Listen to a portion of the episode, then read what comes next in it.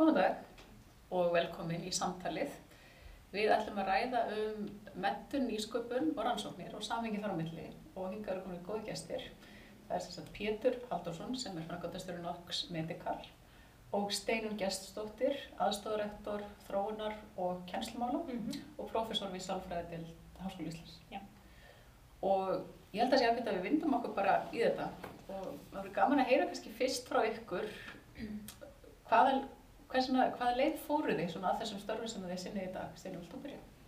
Já, ég sko, uh, já, ég er prófessor í sálfræði og þegar að nýr rektor, Jón Alli Venditsson, tók við uh, fyrir fimm árum í Háskóla Íslands, þá bað hann mig um að koma og stýra stefnumótum fyrir Háskóla Íslands sem ég gerði með Sigurði Magnúsi Garðarsinni verkfræðingi og prófessori og uh, í kjölfarið þá fekk ég þetta starf sem aðstofarektor þar sem ég ber ábyrð á bæði kennslunni og að innlega stefnu Háskóla Íslands og þar er náttúrulega þessi samþekting kennslu, rannsókna og atvinnulífs mjög stór hluti þannig að það er svona stór hluti af því sem ég fæst við er að hugsa um þessi mál og hvernig þau tengjast. Akkurat og það hefur nú verið alltaf stór þáttur í starfi Háskóla Íslands að þetta, er sterkur rannsóknar háskóli Mm. en að tengja við samfélagið Mhm. og, og hagnýting vísindaransóknar, mm Mhm. -hmm. hefur verið mjög svona öflugur þráður í starfið því. Jú, þetta er nú, mar margir segja þetta sé þjó, þjóðskóli Íslands og Mm. það sé svona þessi ábyrð uh, sem að ég held að allir innan háskólans myndi taka undir annars vegar að veita mentun fyrir bara uh, sem bregðastan hóp en líka að nýta þekkingunni þá á samfélagsins.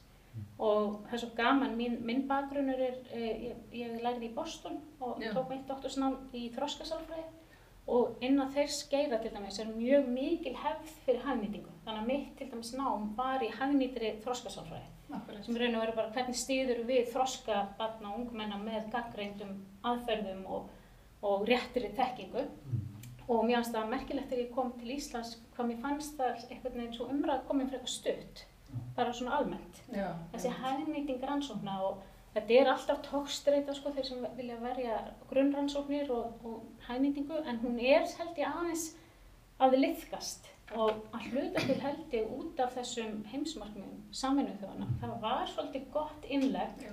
til að segja þetta eru risáskoranir, þær verða aldrei listar nema með aðkomi vísinda Akkurat. og það svolítið svona held ég að við hreift við þeim sem að vildu aðgreina alveg einhverja pragmatík og Mm. rannsóknir að jú, við værum allir í því leiði að nýta þekkingu til að takast á við einhverjar áskoranir. Einmitt og grunnrannsóknir hafa nú sínt sig að er, er, eru mjög hagnýtar, getur við sagt. Það er nú ansi margt mikilvægt sem við höfum í heiminum Já, við framförum bara almennt sem að byggja á grunnrannsóknum, hvort sem að það er í starffræði eða eðlisfræði, hvað sem það er. það er náttúrulega sko, þekktustu dæmin er öll þessi, til dæmis allir grunnur, þú þekkir þetta náttúrulega tölvu heimsins og hann leggur sig, en, en sko sem að taki nú tvö ný, nýleg dæmi um grunnrannsóknir, til dæmis bara í líffræði Mm. og, og lífvísindum, talandi um annars vegar um, um koronaviruna og svo hins vegar um, um hérna, loftlagsvandan.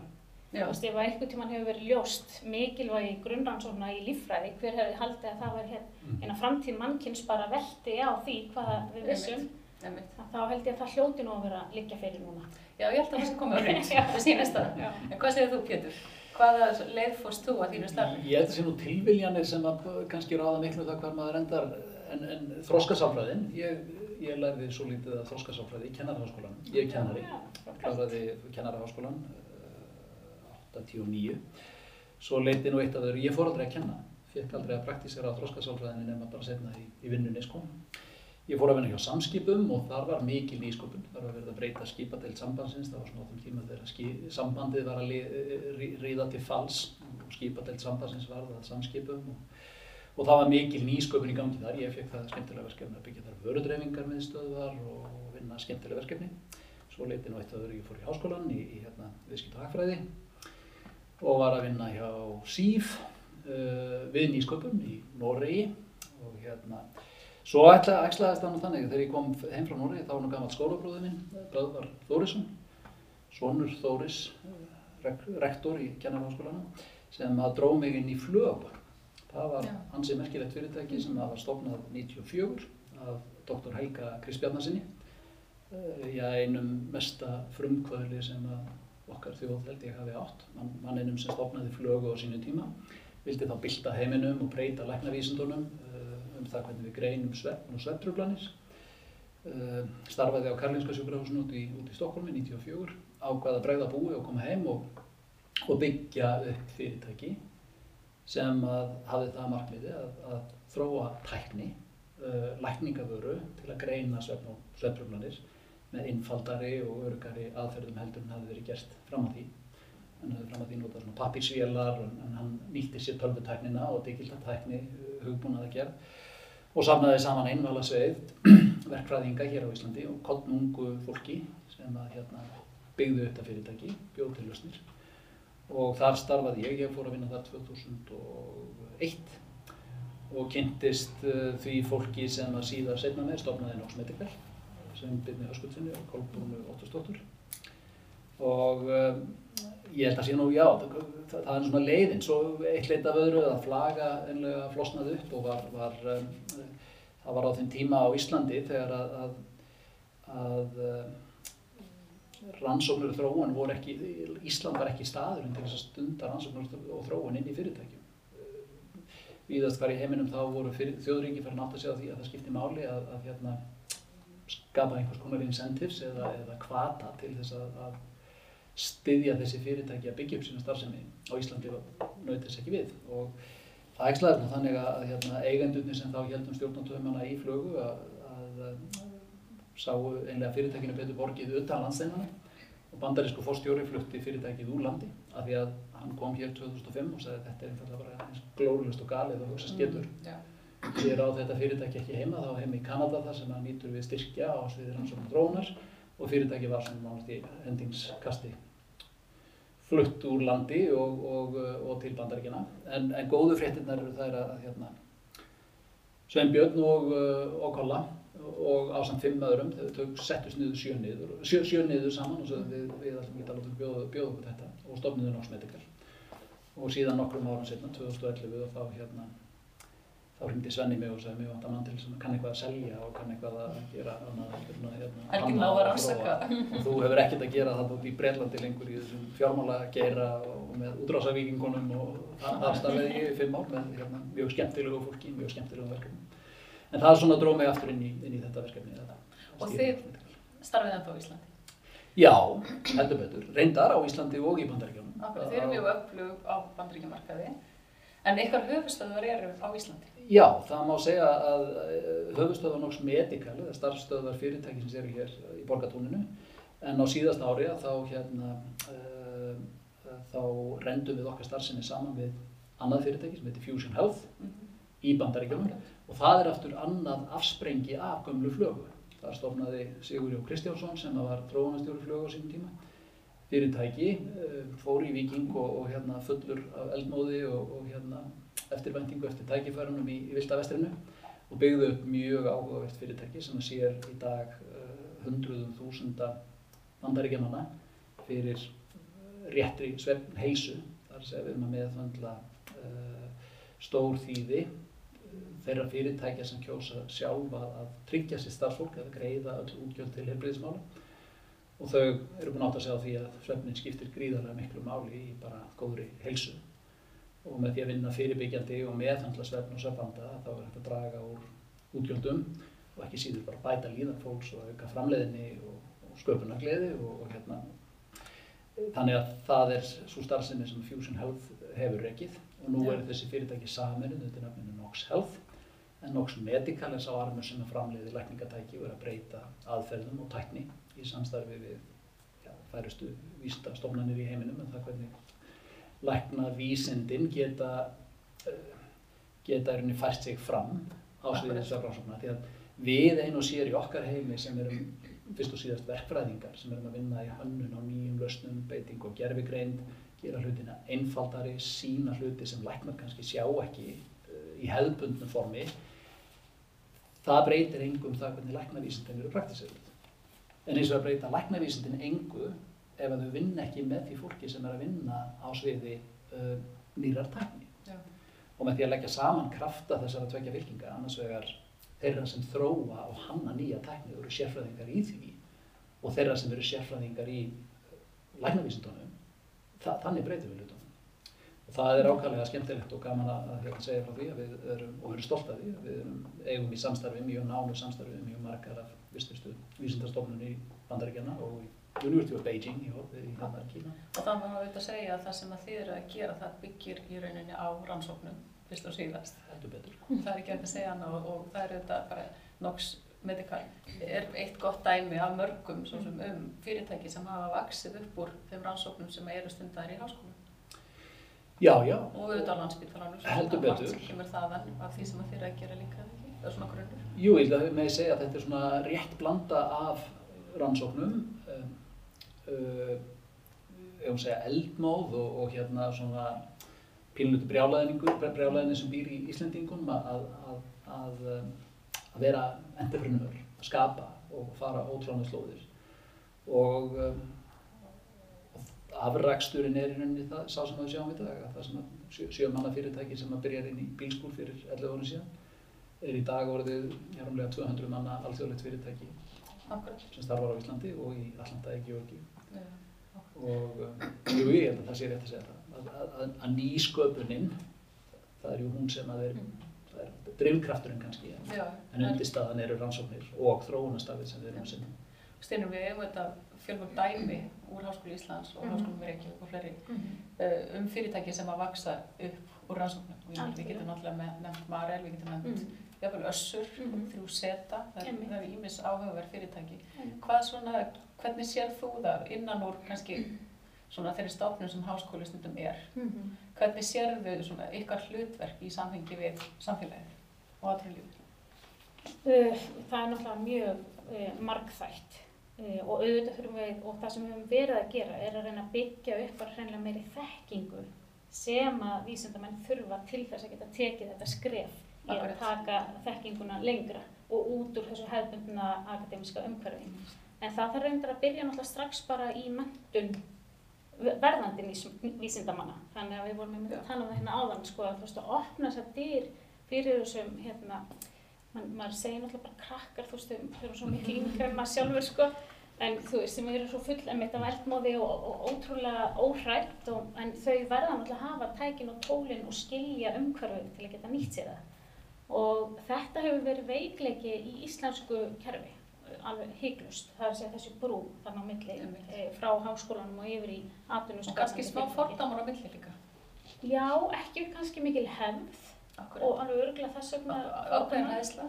Já, og líka sko, ég, hor- ég hugsa svo mikið um þetta þegar ég flutti heim sko, af hverju mér fannst, eins og ég vann hérna í svona non-profit fyrirtæki eitt sumar í Boston. Það var hluti af mínu, starf, af mínu starfsnám og það voru bara, það, það apparat er ekki til á Íslandi. Það er að segja, þetta eru bara samtök sem sjáum að hagnýta upplýsingar og koma þeim út á vettvang. Í mínu tilfelli var það til að koma í veg fyrir eh, hérna, illa meðferð á börnum og allt sem snýra velferð barna. Þannig að maður var að lesa kannski yfir lagafrumvörp og hvernig þau pössu við fræðin og styðja við einhver framtök og svo framvegs. Þetta er náttúrulega gert svo mikið á vegum hins ofinbera á Íslandi. Mm. Og mér fannst svolítið þegar ég kom heim vanta einhvern veginn þannan vettvang þar sem eitthvað nýtt gætt verið til og einhver þjónusta sem að var ekki verið að selja. Því að það er kannski eitt að búa til tækninguna sem getur svo selt, en hvað þá allar þekkinguna sem er í, þú veist, mentun og er í tengslu með mitt við börn, hver ætlar að fara að kaupa öll þau, all, allt það. Þannig að mér fannst það sérstaklega í vissum geirum einhvern veginn, þó það væri óbáslega margt að gerast, ég menn það er alls konar nýsköpun í gangi í ofnbæra geiram, alveg á hreinu, það var aldrei kallað það og það var kannski aldrei styrt sérstaklega eða tengt við háskólan. Akkurat. Þannig að mér finnst sko okkar hlutverk fyrir ekki þetta svara enga veginn spurningunni. Þetta er samt áhugavert svar. Þannig að endilega alltaf. En þannig að sko í tengslu með vissar greinar eru, eru fyrirmyndirna mjög augljósar að utan um til hvernig þú styrkir og veitir náttúrulega aðganga fjármagni og, Mm. og sérfræðiþekking og allt það. Uh, en ekki, það er svona komið skemmra á veg þessu hugsun í tengslu með vissar greinar. Þannig að við þurfum að gera hvorutveikja svona samfélagslega nýsköpun og svo þessi hefðbundna nýsköpun sem er alls ekki tvent ólíkt en ekki alveg það sama. En það sem að mér finnst hafa gerst á síðustu árum í tengslu við Háskóla Íslands er aðalega tvent sem hefur verið mjög miklar framfærir í þessa átt. Það er annars vegar stofnun auðnu sem að þið þekkið og síðan stofnun vísindagarða. Mm. og mér finnst þetta að vera svona góð, merki um að, að þessi sk- sko, skilningur á hvað þetta er, hvað þetta er sko þungavíkta málaflokkur. Þetta er ekki bara svona eitthvað svona sem við styðjum einn og einn prófessor sem er að gera eitthvað ægilega sniðugt. Þetta er svona, þú veist, við þurfum að búa til alvöru umhverfi og auðvina sem er svona tækni yfirfæslu skrifstofa sem tengir saman þá rannsakendur og fjármagn og eða atvinnulíf eða hvað það er sem ég reyndar vildi kalla þekkingar yfirfæslu skrifstofu.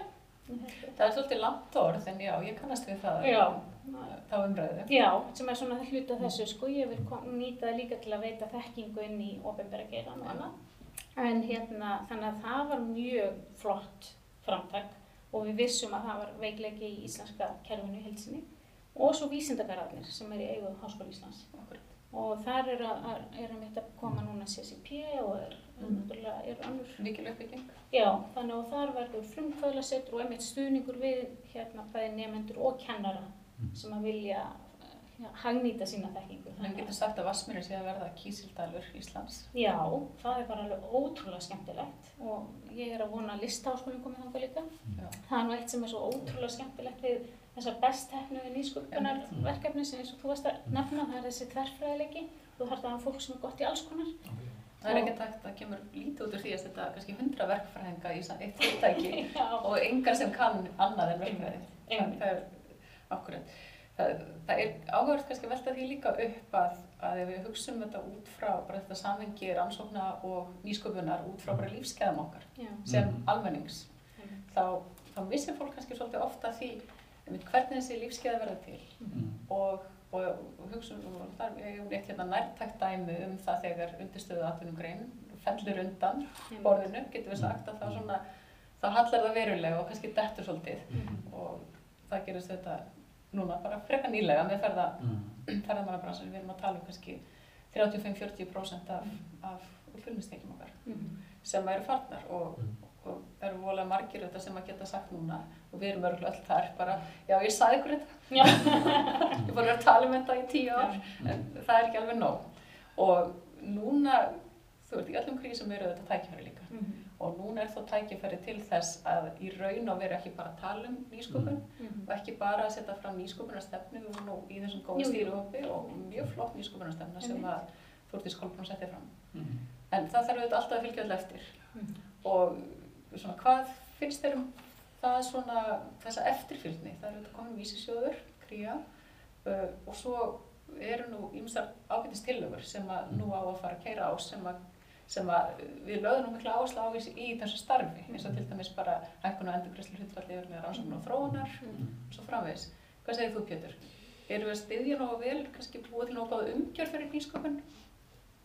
Það, það, það er náttúrulega, maður skipta því í mörg lög, skilu, á, á, þú veist, að, á því sviði sem snýr að, sko, s- sprotum og, og, og umhverfinu að byggja, veist, það sem við erum að tala um að, að er að gerast í Vassmýrinni er nákvæmlega Mhm. að skapa jarðveg þar Já. sem að, að hérna, sprotar spretta uh, og það er tvímálalust, auðvitað er alltaf að að gera betur, en við erum að gera fullt. Mhm. Og ég hugsa stundum tilbaka til 2005 þegar að aumingja David Baker kom til Íslands og, og hún var að fara þetta verkefni flugu. Staðurinn var ekki Ísland.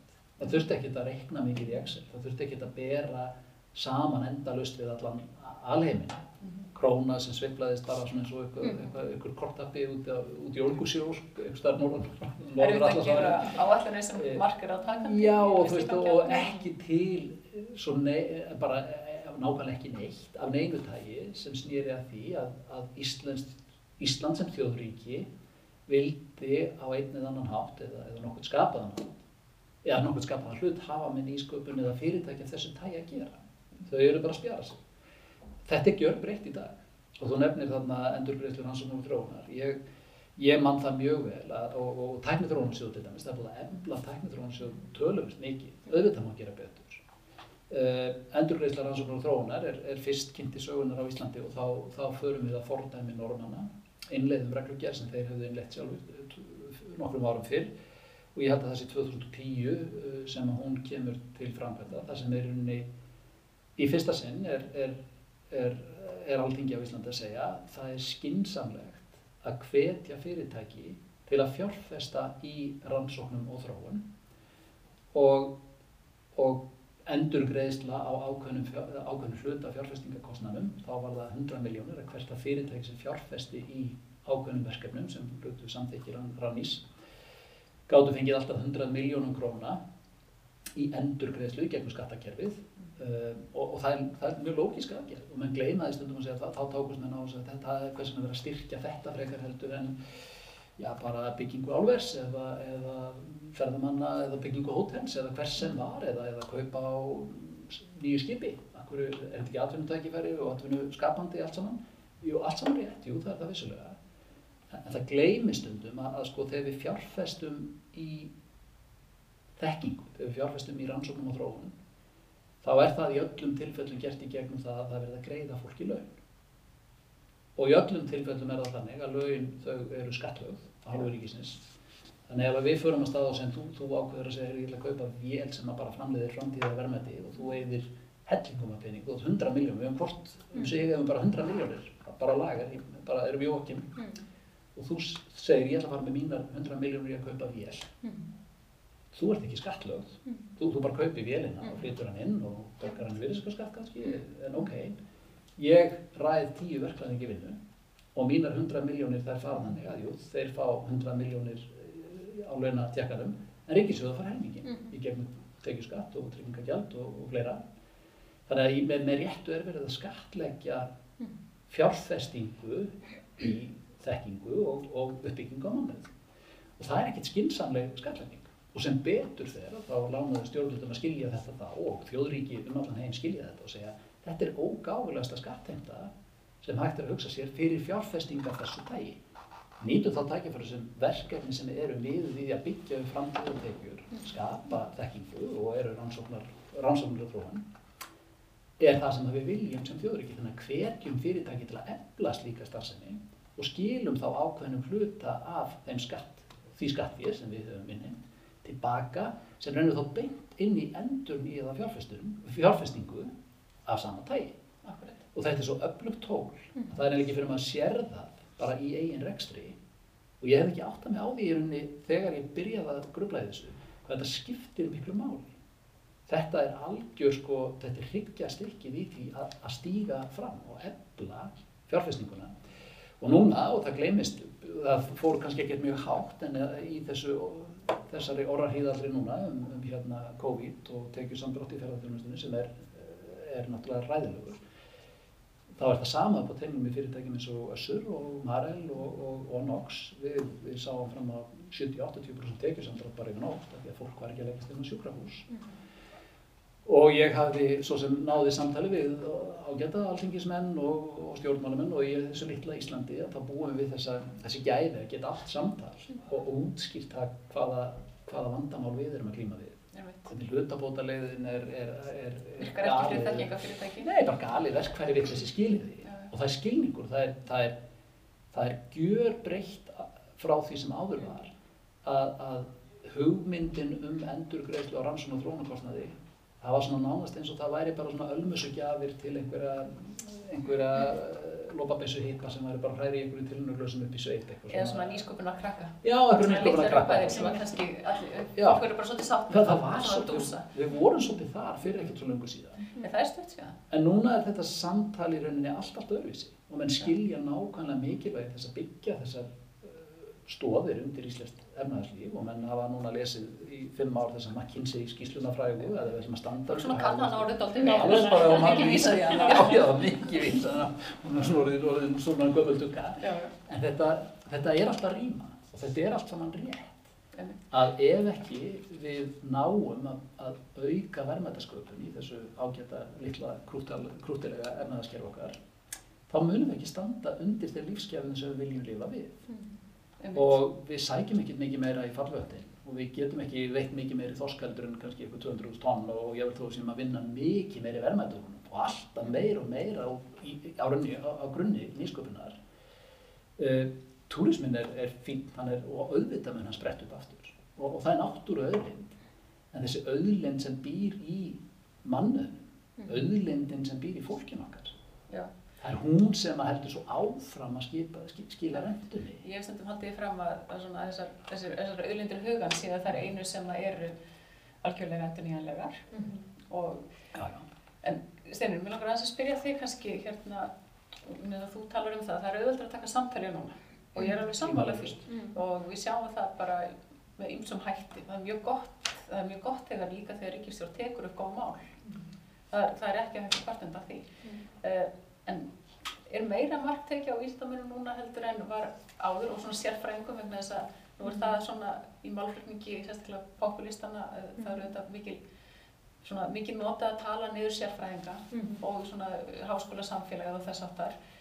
Er, er svona vísindamennir kannski aðeins að vaksa núna og er von til þess að í svona fleiri krísum sem að við stöndum frammi fyrir eins og til dæmis bara lofslagsvandanum að það verði þá líka tekið mark á vísindamennum þar ekki bara með koronakrísum? Sko, auðvitað vonum að það. Og, og ég held reyndar að svona Íslendingar hafi alltaf haft hafi verið svona skilningur á mikilvægi og svona svolítil virðing fyrir mikilvægi vísinda almennt. Ekki jafn mikið á, brettan að sækja og annar staðar.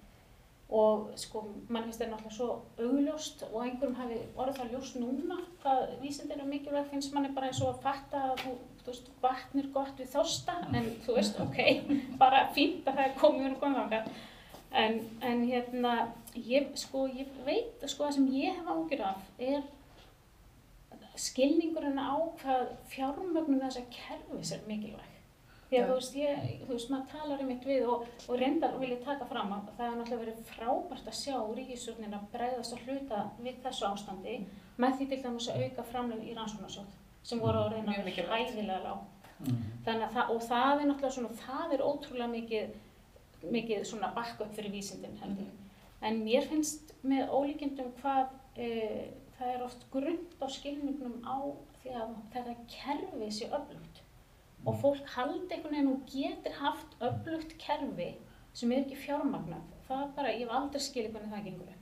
Mm. Þannig að við vorum lengi með sko, ástandi hérna í kjölfár hrunsins fyrir, fyrir opnabra háskóla var hrikalegt. Og, að, og, og bara að, að hérna, horfa upp á til dæmis Háskóli Íslands með kannski hálfa, hálf framlög með við sambarilega skóla á Norðurlöndum sem voru með sambarilega afkost og, veist, og, og einhvern veginn að fólki fyndist eins og þetta veri gerlegt í lengri tíma var mjög erfið, það var mjög erfitt að rökraða það. En svo líka þessi málflutningur um það bara, já það verður bara fytan skorinn af, það er auðvitað engin fyta eftir og hefur líklega aldrei verið, ég hef nú starfað í háskóla svolítið tíma líka sko, því ég vil tekja eftir mikilvæg fytu. Sko, ég bara get alveg sagt ykkur, hvaða, hvaða geiri á Íslandi er rekin á hálfum framlögum Mhm. miðað við það sem að gerast í samanfjörðanlöndum og er að sína sama árangur miðað við alla matslista í heiminum. Þannig að, að hérna, þetta er svo effektíft kerfi miðað við þá mælikvarða en uh, auðvitað finnst mér mjög mikill svona velvilji og það har klárlega verið mikill meðbyr með háskólum núna síðustu árin í pólitíkinni og náttúrulega fjárframlög hækkað en það er bara svona, það er pínu erfitt að ennþá finnst manni svo mikið að berjast við eins og þetta sé svo svakalig útgjöld. Þú veist, þetta er svo, þú veist, í staðan fyrir Já, já. að maður heyrir oft meira að tala um þetta sem fjárfestingu. Og- Þetta er fjárfestingum þess að arðurinn sem að kemur tilbaka til samfélagsins, Já, hann er óumdeilanlegur. og já, það það sem manni finnst sko fólk skilji ekki alveg. Það skilur hvað þetta er sko mikilvægt að hafa þetta kerfi en ef þú skilur hvað er raunverulega mikilvægt þá skilur þú hvað fjárfestingin er mikilvægt. Er það ekki líka bara vegna þess að við erum ungd samfélag og það er, eru kannski bara, í mörgum fjölskyldum þá eru kannski bara fyrsta, bara fyrsta kynslu, mestalega önnu kynslu sem er með háskólamönda. Já, það getur verið. Eflaust og við höfum, ég kannski er þetta aflýningar því, við, við höfum náttúrulega verið þeirra gæfu aðnöðandi og erum, erum náttúrulega, við værum ekki það sem við erum ef við hefðum ekki haft þessar náttúru öðlindir sem við höfum, Einmitt, einmitt. fallöndin og, og, og fiskimiðin Mhm. og, og við höfum haft nóg, við höfum bara haft nógt auðafa og kannski þá, þá neyðin kennir jú nættri konu að spinna og það er, við, veist, þurftum við eitthvað mikið meira nýsköpun að halda 1974 þegar við vorum að, að hérna, drukna í, í síld og loðnan, hérna, já nei, þá var þetta síldin kannski ekki að vaða á land þá, en, en þú veist, uppgangur í sjávarútvegi, 80-90, eh, túrismin, ég menna, hann var ekkert svona fyrir tíu ári síðan. Við erum svolítið í því að detta þá í lukkupottin, svona, núna- séð. Mér finnst núna umræða að vera önnur, skilu, aftur þetta, sko, jú, aðgerði stjórnvalda núna Já, í þessu COVID-máli að, að það er talað um fjárfestingu, það er talað um, mjög- er svona klísja, sko, En, en menn er ekki lengur að tala um endurgreiðslu á rannsóknum og þróunarkostnaði. Það er að segja, en, svo, svo fjárfesting sem fyrirtæki leggja í það, Mhm. það er ekki styrkir sko. Nei, nei. Nei, það er bara verið að endurgreiða ákveðin hluta af þeim fjárfestingakostnaði. Mhm. Og það er ekki lengur talað um þetta sem styrki. Heldur talað um framför. þetta sem sóknarfæri. Já. það, og viðspyrnarkosti, það er Það gott eða slæmt að tala um viðspyrnuna en, en ég, mér finnst þe- þetta vera gjö- gjörlu breytt og ég verð alveg að viðkjanna það. Ég, ég hefði alveg átt átt von á því þegar að blæsa móti. Mhm. það er tekið samdrættur hjá hennu ofinbera eins og hérna fyrirtækjum Mhm.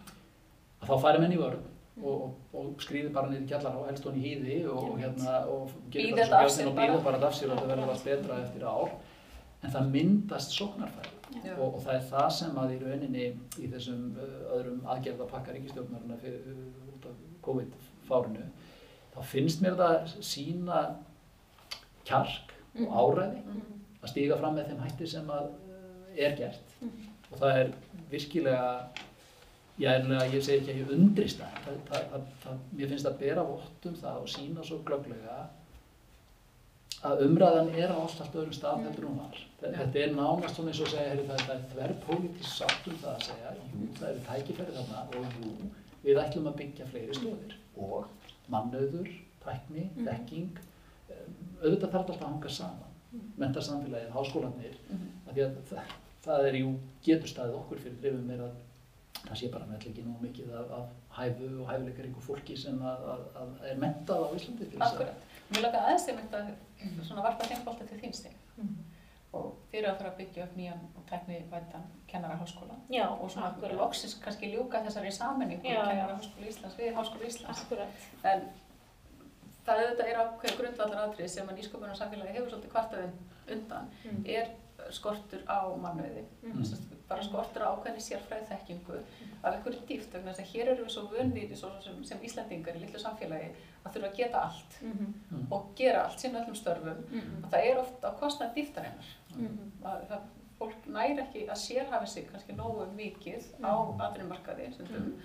uh, eins, og, eins og þarf í ákveðin störf uh, sko, mér langar líka þess að tala um þetta ekki bara út frá háskólanum heldur fara neðar, fara í grunnskólakerfi, fara í framhaldsskólana, fara líka í starfs og Mhm. auðmendun og, og í rauninni skoða sí og endmentur líka Mhm. hvernig erum við í stakk búin Mhm. varum við og písa við svona Mhm. fáum stöð og fallengun þar og það er nú bara þannig að það þarf góðan starffræð og raungræna grunn til Mhm. þess að stunda tæknina Einmitt.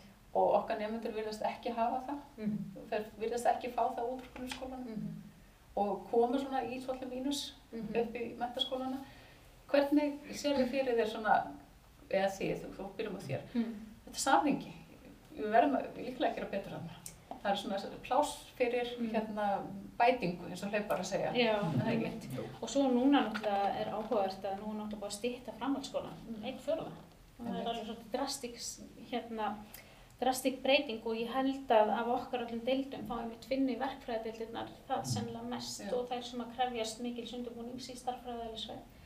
Þannig að augljóslega verðum að hugsa þetta í samhengi sko. Þetta er svolítið, þetta er náttúrulega ofsalega flókið með, með sko það er svo, rosalega sókn í mentakerfinu, finnst manni, bara á síðustu árum Mm. og auðvitað fannst manni gaman að sjá mörg af þessum viðbröðum núna við COVID vera fjárfesting í mentun, Já. nýsköpun, all, all þessi nýsköpunarverki til, til nefnda og svo framvegis. Þannig að maður vonar að sé svona þungi að færast í mikilvægi þessa málaflokks. En auðvitað sko mentakerfið bara veldur á hversu góða kennara þú hefur. fyrst og síðast Og Þannig að hérna og einmitt vorum með ásfund Háskóli Íslands í, í gær og þetta var svona í grunnið það sem að Lilja Alfred sagði um og og þetta er bara hálfrétt og, og þetta er kjarnimálsins. Og góða er að það kennaramöndun virðist vera á siglingu og í sókn Mm. sem að Já. bara ég gæti ekki hugsa mér neitt e, mikilvægara.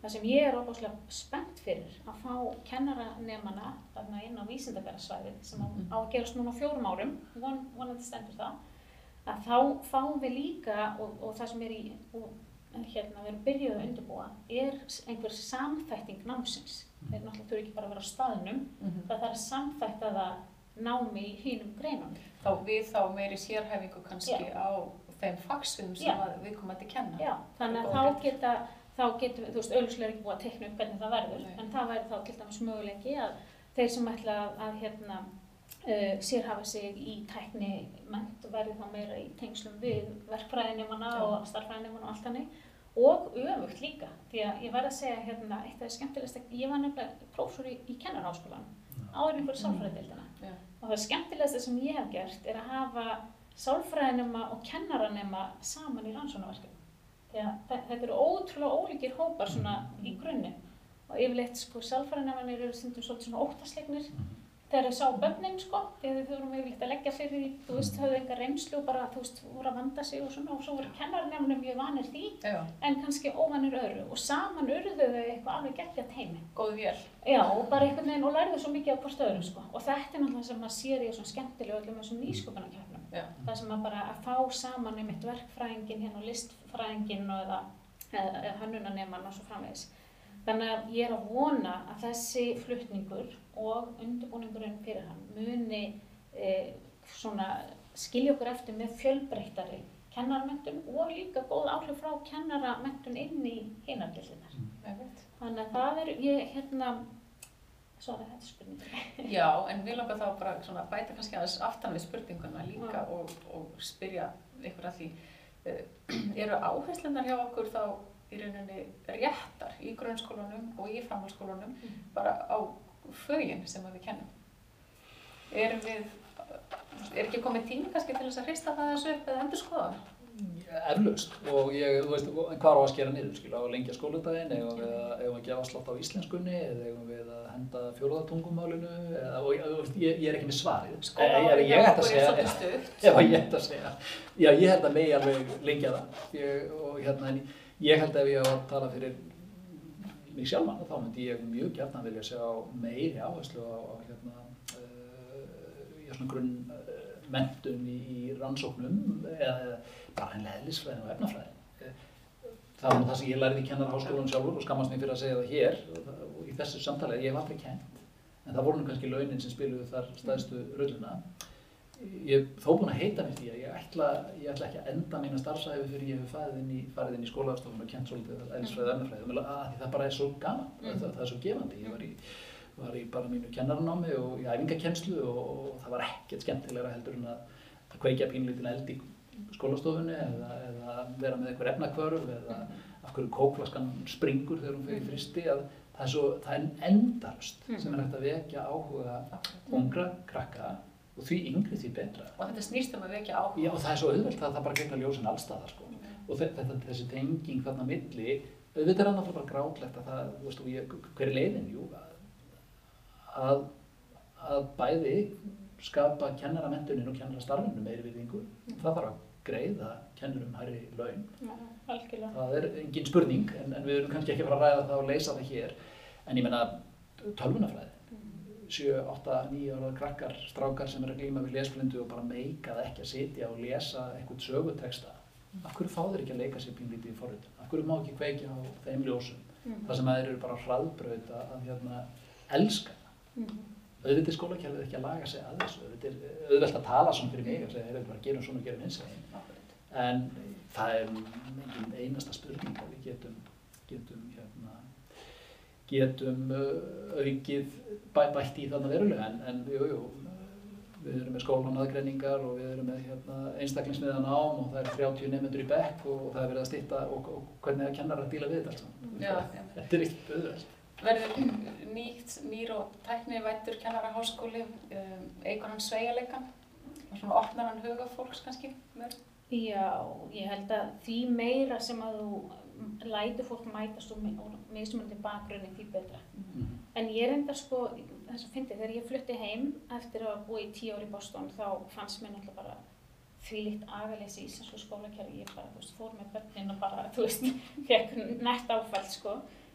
Málið er, ég kann náttúrulega vel að meta þetta, þetta, þetta, pínu brjálaði og frjálsræði í íslensku skólakerfi.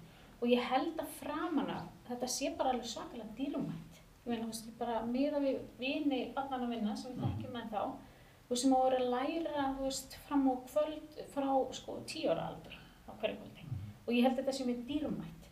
Ég held aftur móti að við þurfum að horfa mjög, svona, taka okkur saman með nokkur hluti. Eins og tala með þessa krakka sem eiga hvað erfiðast. Mhm. Þú veist, við þurfum held ég aðalega að finna þau og styðja þau betur. Mhm. Já. og þetta er ekkert óbúslega stór hópur þessi krakkar sem eiga sem eru oftar strákar en stelpur en eru bæði við Hann er týndur í skólakerfinu, það vita allir hvar þau eru. Já, en við þurfum að bara bregða svo fljótt við Já. og það var eitt sem að, maður sá til dæmis mjög mikið úti, þessi snemtaka íhlutun, hvað hún var massíf sko. Þannig að það er eiginlega þegar ætlar að fara þegar eru komnir, þú veist, á miðstig eða unglingastig og áhugaðlausir, skilur það er svolítið skemmtira sem Já, geta að og taka leiðin er það. kannski ykkur vandræðum þess að þeir bara fá ekki áskonar heldur sem að henda. Já, Nei, já, nei, og þeir, þú veist, það, er, það þarf að steipa alltaf í sama móti líka. Þú veist, það, það sem við erum með frelsi. sko, lesblinduna og við erum með aðdeglisbrestina, þar ertu með sköpunagáfuna, sköpunagleðina og sköpunagetuna. Akkurat. Uh, og þú veist, þar er jú ekki mikil struktúr og mikil hérna, kannski skipulag, en, en, en þú veist, af hverju þurfum þá að setjast niður og segja, hefur viltu gjöra svona, setjast stiltur og lesa þessa, um, þessa kristinsögur hérna og læra þær. Það er bara tortúr fyrir þessa krakki. Ég Það er, það er drepið niður, fólki er refsað, eða þessum nefndum er refsað fyrir náttúrulega að fá útrás fyrir sína sköpunarliði. Já. Ég ef að ekki, halva mínútu, ég held að flesti séu sammála um það, að auðvitað getur við, getum við gert meira fyrir krakka sem eru kannski, já, falla ekki inn í normið, er ekki, er ekki það og góð að sitja og duglega að lesa og læra utan bókar, sko, en þau geta skapað eins og, eins og ynglar, geta, Það þarf að virkja alla. ó. En svona að lókum, hvernig sjáu þið þekkingaþorp Ísland í samfélagi framtíðunar? Þetta er bara lítil spurning svona, Já. það er mínúta Já. kannski. En svona, um, hvernig komist þið þangað? Sko, fyrir, mitt svar er mjög fyrir sjánlegt, sko. Já, það er mjög fyrir sjánlegt. Það er náttúrulega vel mentuð þjóð. Mm. En hluta því að vera vel mentað uh, fólk er að vera í sveigjanlegu kerfi. Mm. Það sem að er þessi alvöru díalógur eins og vorum við nú að ræða á þann þegar þið takið inn uh, háskólanema til að vinna verkefni hjá ykkur að nýsköpunarfyrirtæki taki nefnendur og svo í samstarfi við prófessoruna og það sé þarna einhver hringrás í gangi og við ofinbæra geiram og þetta sé allt, allar dyr séu opnar, öllum sé stemt eins mikið saman og hægt er en samt að skilja þennan grunn, að vera með grunnrannsókninar og vera með háskólamendunna Mm. sem að getur síðan mynda þessar tengingar. Það væri minn draumaheimur og ég er, ég er svona bjart síðan við séum að stíga skref í þá. átt. Akkurat. Hvað segir þú, Pétur? Ég er sammála þessu með mentakerfið auðvitað, við, við hérna, hugvitið sprettur ekki bara úr engu, það, Mm. það er mentun, það er þekking og það er, að, það er að læra og það er að gera mistök. Það er kannski oft það mikilvægast að allu að gera nú ótrúlega mikið af mistökum því að þau kenna, kenna okkur sannlega mest. Og svo þurfa hinu líka fyrirgefa þau. Já, já, og það er alltaf, alltaf fyrirgefandi.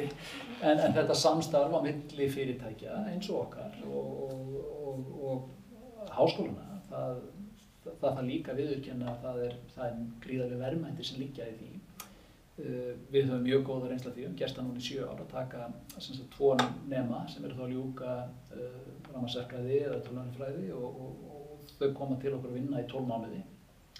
Aldrei lengur en 12 mánuði, við spörkuðum út eftir 12 mánuði en nánast alveg undan teknikalust sko. af því þá eigum við bara að fljúa úr hreirinu og fara út í þennan stóra heim og þá fara við mastersnám. Í flestum tilfellum koma þessi krakkar heim. Og mjög mörgum tilfellum að þá eru þau mætt á, á, hérna, á dyrnar og banka og segja ja, nú erum við búin að klára mastersnámið og, og hér var gaman og hér er gott að vera. Mm. nokks er skemmtilegt fyrirtæki og langar að halda áfram og, og þá jafnvel búin að doktorera þetta er svona ég veit ekki, mér finnst þetta er svona lítil krútileg saga um það hvað, hvað við getum gert og, og þetta svínvirkar þetta er, um, það, það er allir að græða á þessu það er samfélagið og, og við fáum sprengmentað fólk heim til þess að, að vinna við háluna störf það vil búa hérna, við viljum sem, sem Íslandingar er, er gott að búa í þessu landi. En við viljum atvinnum tækifæri sem að okkur finnst krefjandi og spennandi. Ekki, ekki, ekki bara í ein, hvað maður segja, einhliða atvinnugreinum heldur að vinna við sköpun. Og, og þú nefnir að, að, með, að við eigum ekkert óendanlega mann afla, jú við erum 360.000 og, og, hérna, og það er kannski þunnur stabbinn af fólki sem við getum sótt í, það er ekki mikil reynsla á sviði framleiðslu og lækninga vöru á Íslandi.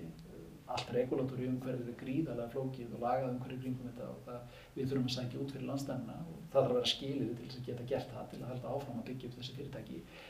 En sannlega hvergi á hei, heiminum er, er meiri þekking á sviði koltrefjatækni heldur en akkurat í kringum össur eða því hvernig við framleiðum Mhm. vógir og hvernig, hvernig þú framleiðir, fram, framleiðir tæki í matvæliðinað heldur með sprettur aftur upp í kringum þessi fyrirtæki. Og það, hvernig klasarnir myndast í kringum tæknina þetta heldur bara áfram að spinna af sér. Þetta er bara eins og tannhjól sem bara spýtur út afurðum og fólk sem að það er engin æfir ráðin hjá einhverju fyrirtæki. En það sem lærir í störfanuðinu það tekur áfram og, og þú sem frumkvöðul þú vilt kannski ekki endilega vera launamaður alltaf tíð, þetta fær hugmynd og segir ég ætla, ég ætla að spinna hér út Og það sprettur meiri þekking af þessari fjárfestingu og þessari þekkingu. og það er það sem er svo dýrmætt í þessari fjárfestingu Mhm. aftur yfir á hvað við í rauninni ég held að við höfum verið lánsöm að, hérna, við þurfum að sjá tækifæri sem fælst í COVID og það að sjá, sjá viljan og Mhm. svona kannski plattformið sem við verðum að byggja upp og segja bætum í á þessu sviði Mhm.